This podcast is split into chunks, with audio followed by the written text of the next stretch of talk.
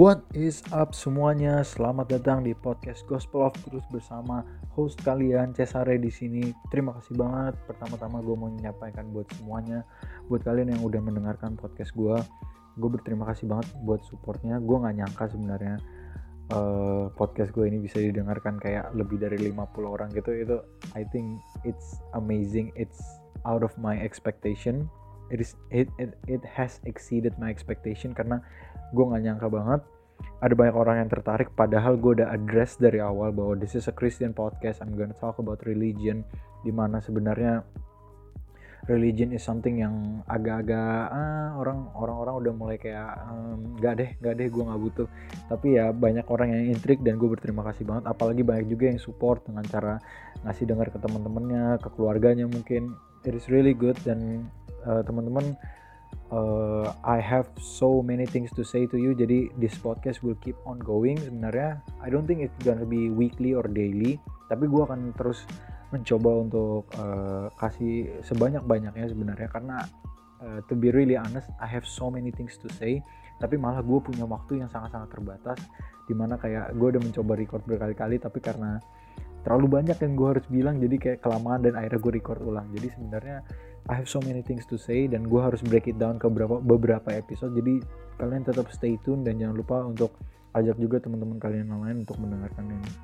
Dan gue mau memastikan lagi sekali lagi this is a Christian podcast. Gue melihat semuanya dari Bible's perspective.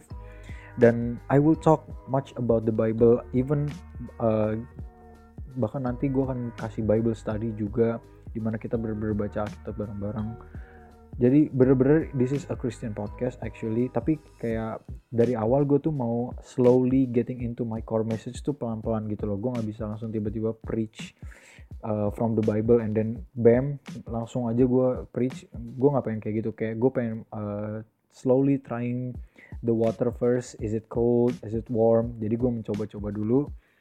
Tapi tenang aja I will come into my core message dengan uh, uh, secepatnya. Uh, tergantung ya tergantung produktivitas gue juga sebenarnya. Oke okay. uh, guys untuk hari ini kita akan ngebahas bener-bener baca Alkitab. Kalau misalnya yang kemarin kita nggak pakai Alkitab tapi sekarang gue mau pakai Alkitab dan the Bible that I use is an English Bible yaitu uh, Bible New Living Translation atau NL, NLT jadi Bible ini kalian bisa download free di uh, di Bible app. Jadi biasanya kalau Bible yang bahasa Inggris tuh langsung lengkap sama semua version-version American Standard, New International Version, New King James, King James semuanya pokoknya ada. Nah uh, kalau misalnya udah download kalian bisa lihat di New Living Translation. Tapi kalau misalnya kalian nggak baca Alkitab, it's okay karena gue akan bacain juga lewat sini. Oke. Okay.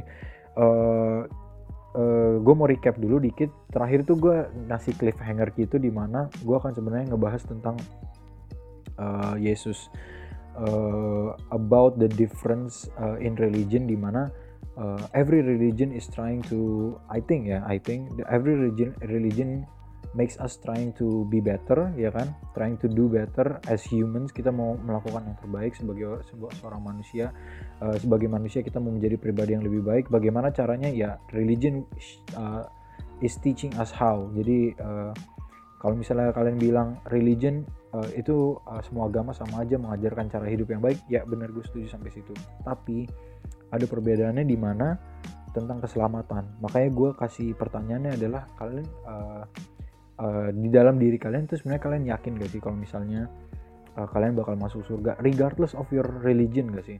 Terserah agama kalian apa pun kalian yakin gak kalau amal ibadah kalian tuh bisa membuat kalian masuk surga? Nah pertanyaan itu sebenarnya gue gue hanya mencoba mengintrik kalian. Tapi mungkin ada uh, beberapa orang juga uh, termasuk Christians itu yang bener-bener kayak oh iya gue amal ibadah gue udah cukup belum untuk masuk surga segala macam tenang aja guys. Jadi gue akan menjawab di sini. Uh, I'm actually addressing also for Christians karena gue tahu ada beberapa uh, dari kalian di luar sana probably yang masih mikir bahwa apa yang amal ibadah kita apa yang kita lakukan dan tidak lakukan itu yang sebenarnya diperhitungkan untuk kita masuk ke uh, masuk ke surga. Dan itu kan percakapan kita terakhir kan di mana uh, ada pertanyaan tentang apakah uh, uh, uh, harus memeluk agama ini untuk masuk surga. Nah I'm gonna say that gue balikin pertanyaan dan gue bilang lu yakin gak sendiri? Even though lu udah memeluk agama itu lu yakin gak dengan amal ibadah lu bisa masuk surga? Nah because in Christianity this is why it is different. Karena apa? In Christianity dalam kekristenan salvation atau keselamatan atau uh, kehidupan yang kekal atau simply uh, surga itu doesn't depend on us. Itu tidak bergantung pada apa yang kita buat dan apa yang tidak kita buat. Itu nggak bergantung sama perbuatan baik sama amal ibadah. Gue akan buktikan sebenarnya sangat banyak banget yang ada uh, ada ayatnya di perjanjian baru dan gue udah mencoba mencari yang mana kira-kira yang paling tepat. Tapi ya gue pakai satu aja akhirnya. Kita buka Titus pasal 3 Titus pasal 3 ayat yang kelima. Nah di dalam kitab NLT gue akan bacain ya. He saved us not because of the righteous things we had done but because of his mercy gue ulangi sekali lagi ya He saved us not because of the righteous things we had done, but because of His mercy. His di sini adalah the mercy of God. Nah, sebenarnya ada lagi kan lanjutan He washed away our sins, giving us new birth and new life through the Holy Spirit. Tapi gue akan fokus ke kalimat pertama dulu sekarang. Uh, selanjutnya uh, gak bisa, gue nggak bisa bahas dulu because of time. So gue akan bahas kalimat pertama. Dalam bahasa Indonesia itu Eh, kalau gue pada waktu itu dia telah menyelamatkan kita bukan karena perbuatan baik yang telah kita lakukan, tetapi karena rahmatnya oleh permandian ke kelahiran kembali dan oleh pembaruan yang dikerjakan oleh Roh Kudus. So, dalam dalam bahasa Inggrisnya itu dibilang di sini secara jelas, He saved us, saved us from what? Dia itu menyelamatkan kita dari apa sih? Dari dosa-dosa kita dari api neraka, dari uh, hukuman dari dosa. Upah dosa adalah maut. Kalau kalian berdosa, you will surely die.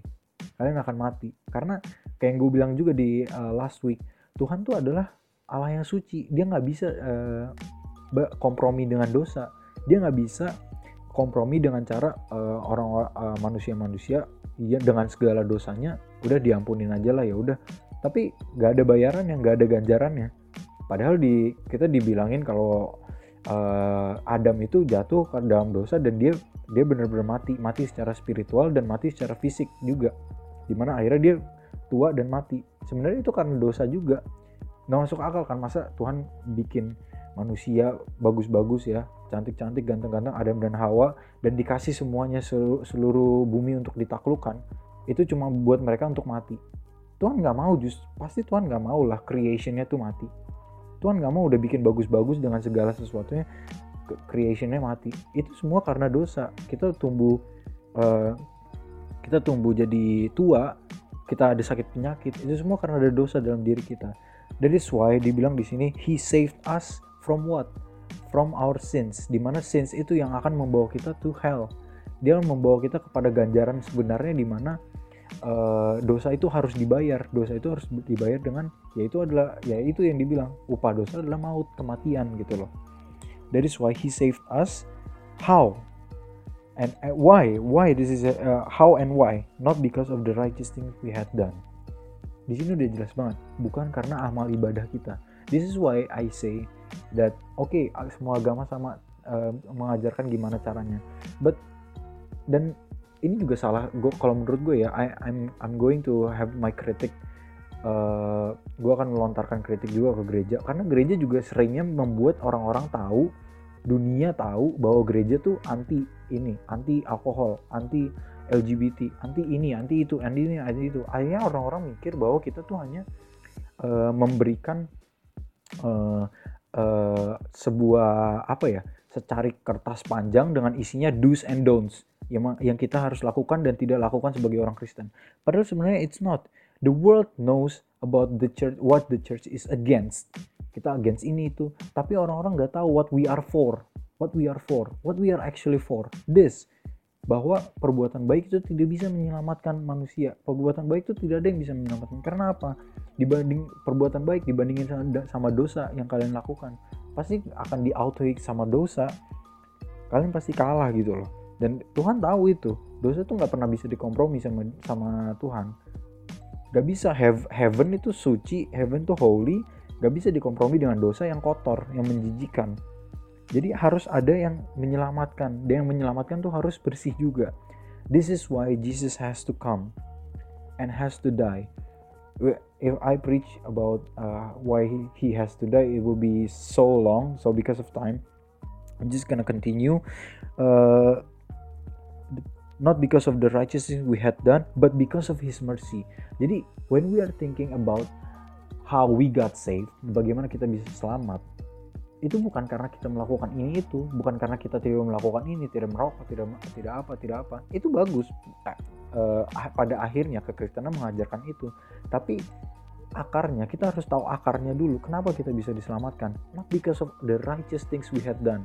Bukan karena perbuatan baik kalau bahasa Indonesia, tapi karena rahmatnya. Rahmatnya itu apa? Mercy. Mercy itu adalah kemurahan. Karena kenapa dibilang kemurahannya Tuhan? Karena Tuhan sendiri menjadi manusia dalam bentuk wujud manusia the likeness of of flesh kalau misalnya bahasa Inggrisnya berwujud seperti manusia dan akhirnya mati di atas kayu salib seperti sepenuhnya manusia seperti sepenuhnya manusia menjadi korban dari Allah buat kita di kalau kalian tahu ayat paling gampang dihafal paling sangat terkenal adalah Yohanes 3 ayat 16 karena begitu besar kasih Allah akan dunia ini sehingga ia mengaruniakan dia memberi secara gratis dengan kemurahannya dia memberi mengaruniakan anaknya yang tunggal supaya kita semua tidak binasa. Kita semua tuh manusia. Dia mengaruniakan anaknya yang tunggal untuk mati. Yesus itu satu-satunya orang yang lahir tuh cuma untuk mati. Benar-benar ditujukan untuk mati gitu loh the first very first ever record Yesus bicara sebagai seorang manusia itu adalah umur 12 tahun di kitab Lukas. Uh, ibunya Yesus dan orang tuanya orang tua Yesus tuh mencari-cari dia nggak ada. Nah, akhirnya ketemu lagi di lagi lagi tanya jawab sama orang-orang di sinagog atau di ya pokoknya di temple dan perkataan pertama Yesus adalah Don't you know that I must about my father's business? Kalian tahu nggak sih kalau aku tuh di sini untuk menyelesaikan urusan bapakku yang di sorga? Itu perkataan perkataannya. Umur 12 tahun. Dan perkataan terakhirnya sebagai manusia sebelum dia mati adalah It is finished. It is finished. Apa yang udah selesai? The Father's business. Apa the Father's business? For him to die for our sins. For the sin of mankind. Untuk dosa-dosa manusia. So I gue tekankan sekali lagi kalau misalnya kalian mikir bahwa aduh gak ada gue nggak mau gue nggak mau doa dulu karena gue masih berdosa gue nggak mau ke gereja dulu karena gue masih berdosa. Justru that is the idea why you have to come. Karena apa? It is not because of you. It is not because of your work it is not because of your good deeds.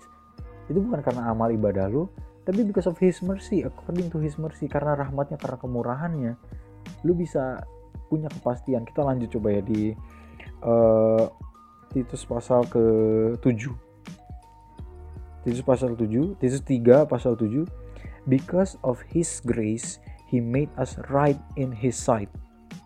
Right in his sight and gave us confidence that we will inherit eternal life. Gave us confidence that we will inherit eternal life eternal life di sini adalah heaven. Hidup yang kekal. Hidup yang kekal di mana lagi? Di heaven di mana yang gue bilang tadi. Nggak ada dosa ya berarti nggak ada uh, orang nggak akan tua orang nggak akan mati orang nggak akan sakit ya kan? Eternal life. Confidence confidence keyakinan keyakinan yang kuat. Dia memberikan kita keyakinan yang kuat because of his grace. Bagaimana caranya? Because of his grace. Gimana kita bisa yakin bahwa kita tuh punya eternal life? Kita punya hidup yang kekal kita punya heaven itu karena his grace. Karena kasih karunia-Nya yang di reveal yang diberikan melalui Yesus. Karena dia mati bagi kita di atas kayu salib mati bagi dosa-dosa manusia. Kalau misalnya kalian bertanya e, kalau gitu dosanya dosanya kita nanti gimana? Kalau kalian udah menaruh kepercayaan pada Yesus bahwa dosa kamu udah ditanggung sama dia karena apa? Yesus tuh akhirnya mati Yesus mati karena apa? Karena dosa-dosa kita. Bukan karena dia berdosa. Dia nggak tahu dosa, dia nggak berbuat dosa. Dia di dalam dirinya dia itu nggak ada dosa sama sekali. Jadi dia mati berdosa. Dia kayak kayak dikutuk Allah. itu karena dia menerima semua dosa-dosa kita dia mengambil semua dosa-dosa manusia sehingga semua yang percaya kepada sama dia bisa percaya bisa hidup kekal itu yang dibilang di Yohanes 3 ayat 16 karena begitu besar kasih Allah akan dunia ini sehingga ia mengaruniakan anaknya yang tunggal sehingga kita bisa tidak binasa melainkan beroleh hidup yang kekal. Sama hidup yang kekal di sini kan inherit eternal life. Di sini kehidupan yang kekal.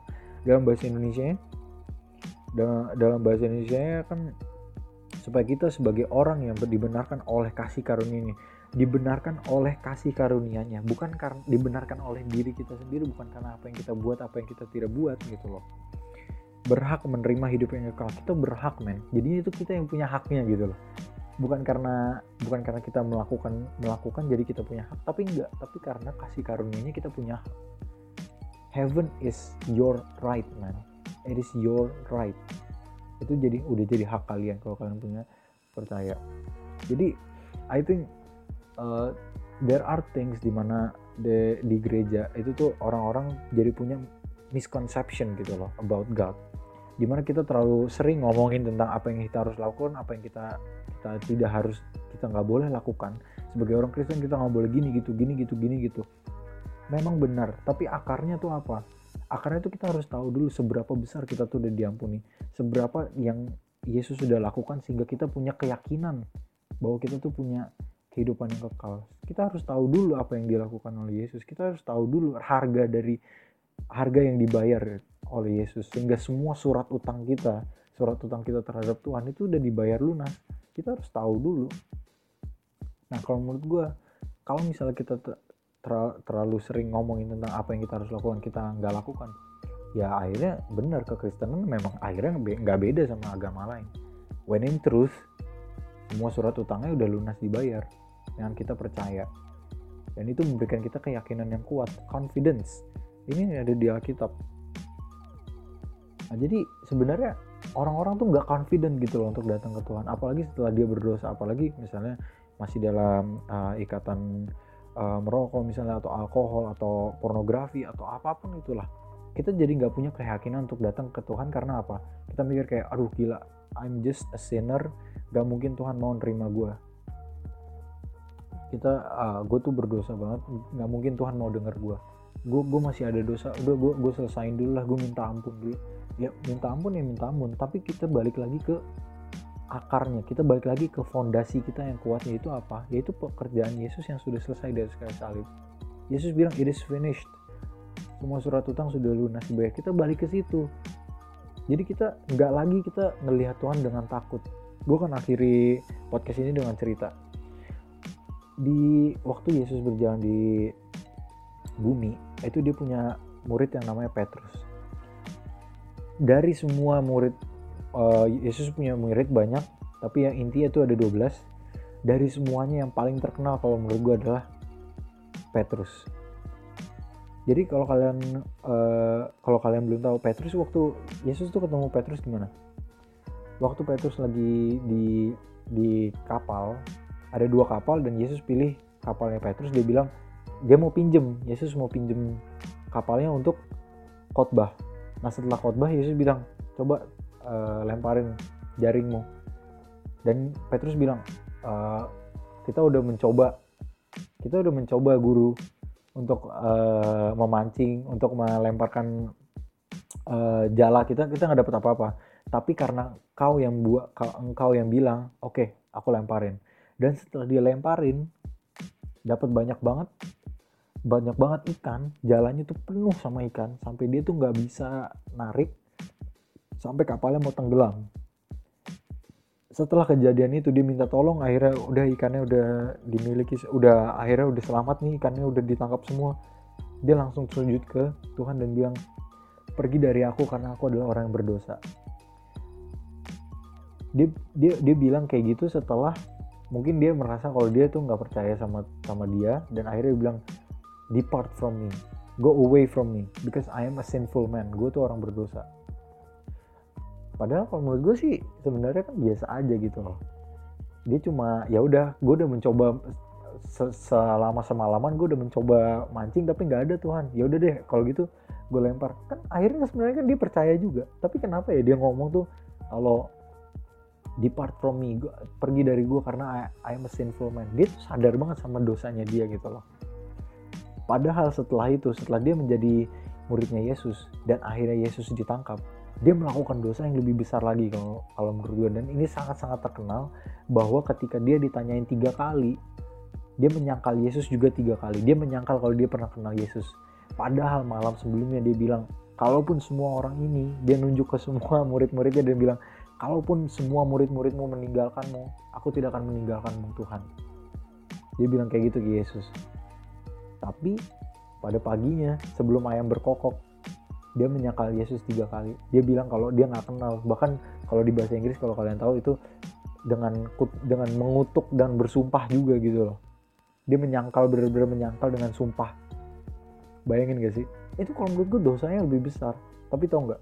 Setelah itu setelah Yesus setelah Yesus mati dan bangkit di bangkit di hari ketiga waktu Petrus sama Yohanes lagi akhirnya dia balik lagi mancing ya. Dia balik lagi mancing akhirnya. Terus uh, si Yesus muncul di pinggir pantai. Mereka lihat Yohanes lihat kalau oh itu itu Yesus. Dia lihat dari kejauhan dia lagi di kapal dia lihat oh itu Yesus. Tahu nggak Petrus ngapain dia loncat turun ke, dari kapalnya dan dia lari ke Yesus.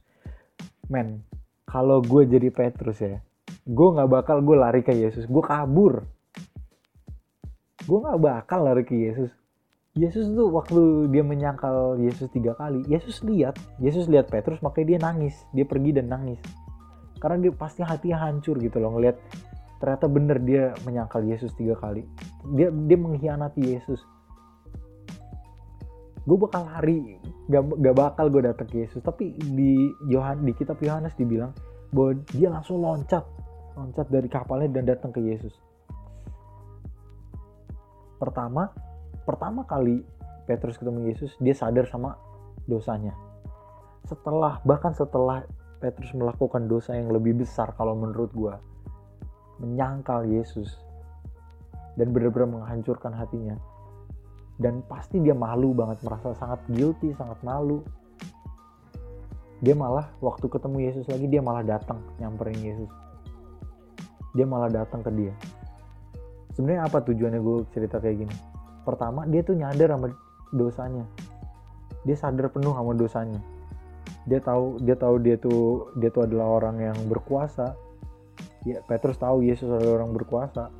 Karena ikan-ikan itu nurut sama dia dia dia dia sadar sama dosanya tapi yang terakhir setelah Yesus bangkit dia sadar bukan sama dosanya tapi sama His grace sama His mercy sama kebaikannya Tuhan karena dia tahu di dalam hadiratnya Tuhan di dalam di dalam Tuhan kita bisa nemuin forgiveness. Seberapa besar pun dosa lu, ada forgiveness di dia. Karena nggak masuk akal yang dilakuin sama Petrus tuh nggak masuk akal. Gimana cara lu bisa datang ke orang yang lu sangkal? Padahal lu udah bersumpah kalau lu nggak bakal menyangkal dan meninggalkan dia. Tapi waktu Yesus disalib, nggak ada tuh Petrus. Dia berbohong gitu loh sama Tuhan sendiri. Tapi waktu dia lihat lagi, dia datang, dia lari ke Yesus ada perubahan guys ada perubahan dia menjadi uh, apa ya orang yang dewasa secara iman karena apa gak, gak peduli gue sama dosa gue sendiri gue tetap datang ke dia. For me it is it is the true repentance tau gak repentance tuh pertobatan. Orang ngomong bertobat bertobat dari dosa kalian bertobat dari bertobat dari ini dari itu. Kalau kalian tuh adalah orang yang benar-benar mengikuti agama ya benar-benar percaya sama Yesus. Iya sebenarnya agama apa pun ya kalian tuh kalau berdosa kalian tahu gitu loh. Kalian tahu ini salah conscience kalian will not leave leave you alone pasti kalian feel guilty. Kalian pasti merasa bersalah merasa berdosa pasti.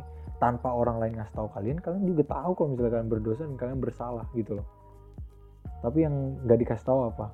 That there is forgiveness of sins in the presence of Jesus in the presence of the Savior. Karena karena that is the idea why Jesus came to provide you the way to provide you how to be righteous to be made right without you doing right do, doing righteous things without you doing good. Tanpa kalian melakukan amal ibadah segala macam kalian bisa dibenarkan dengan cara kalian percaya. Melakukan baik ya beda beda beda intentionnya beda motivasinya. Kalau dulu kalian melakukan baik supaya diberkati kalau kalian dulu melakukan baik supaya kalian masuk surga sekarang kalian melakukan baik bukan karena kalian pengen masuk surga. Kalau kalau misalnya mikirnya kayak gitu itu sebenarnya egois aja kan. Misalnya ada orang kecelakaan motor.